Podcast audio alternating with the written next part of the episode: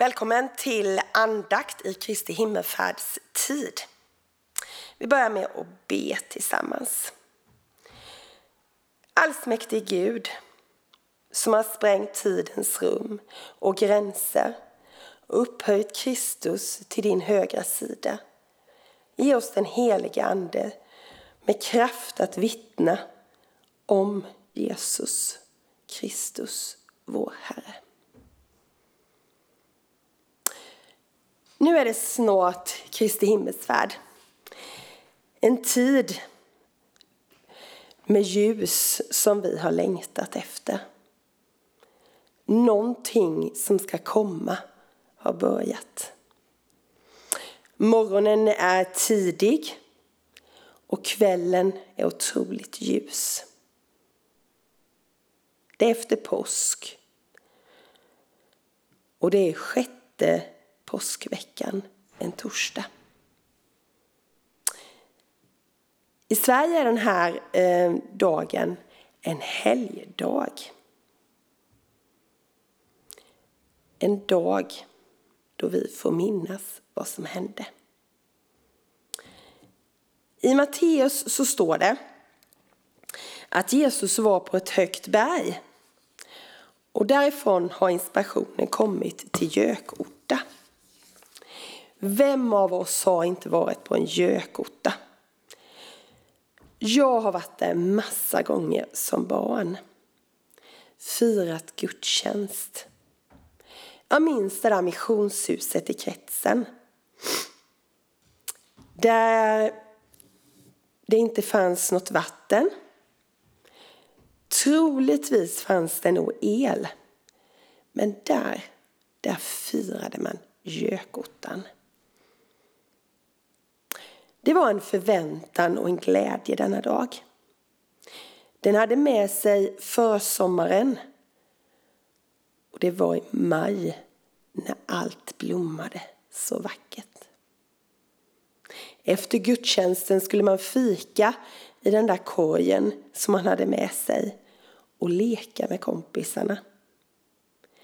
En stund av glädje. Jag vill börja med att läsa två bibelord kring vad ehm, predikan handlar om på söndag och som kommer att återkomma då. I Markus 16 och 15 så står det Han sa till dem, gå ut över, he, över hela, överallt i världen och förkunna över evangeliet för hela skapelsen.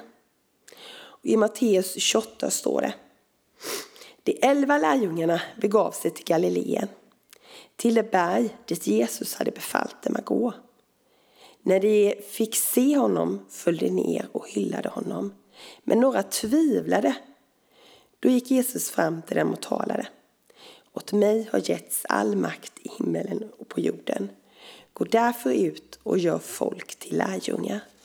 Döp dem i Faderns, Sonens och den helige Andes namn och lär dem att hålla alla de bud jag har gett er.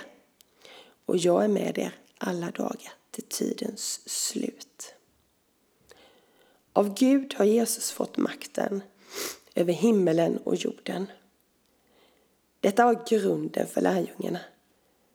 De skulle berätta för andra om Jesus och vad de hade upplevt. Det är samma uppdrag som du och jag idag har fått.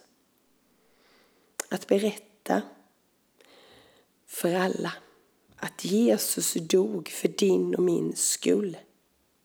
Inte kan vi tiga om det. Vi måste ta vårt uppdrag på allvar. Det är inget uppdrag vi kan blunda eller blinka bort. Vi måste vara beredda att berätta om Jesus och ta tillfället att göra det. En gång när jag satt i en gemenskap, det var ganska länge sedan, så kände jag att jag skulle säga en sak. Det var nästan som Jesus knackade mig på axeln och sa till mig, du ska säga det här. Och så gick ögonblick förbi mig. Jag lyssnade knappt mer på vad som sades. Och jag tänkte på varför sa jag inte det? Då hör jag en annan person i gruppen säga nästan samma sak som jag kände att jag skulle sagt. Vi måste vara nära Jesus. Det var det slutordet som kom fram. Det här kanske låter som en påhittad tanke, men det var en upplevelse, en verklig upplevelse som jag hade. Jag skulle berätta om vad Jesus var i mitt liv och min längtan efter att få vara nära honom. Men det fick den andra personen göra. Det här borde vara något vi längtar efter och vågar och tar chansen att göra istället.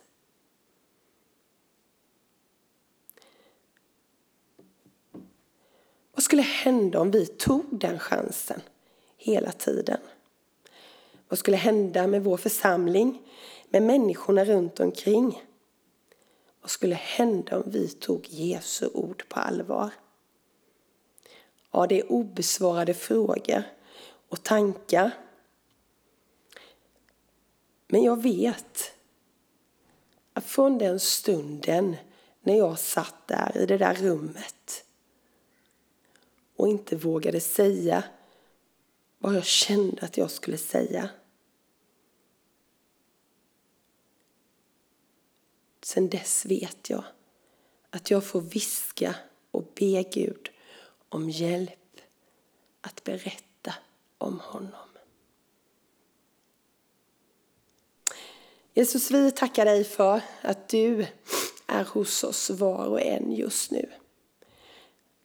Att du eh, påminner oss om vem du är i våra liv och att vi får vara nära dig. Vi tackar dig för att du lyssnar på våran bön och vi ber också om hjälp att kunna berätta för andra om vad du har gjort för oss. Amen.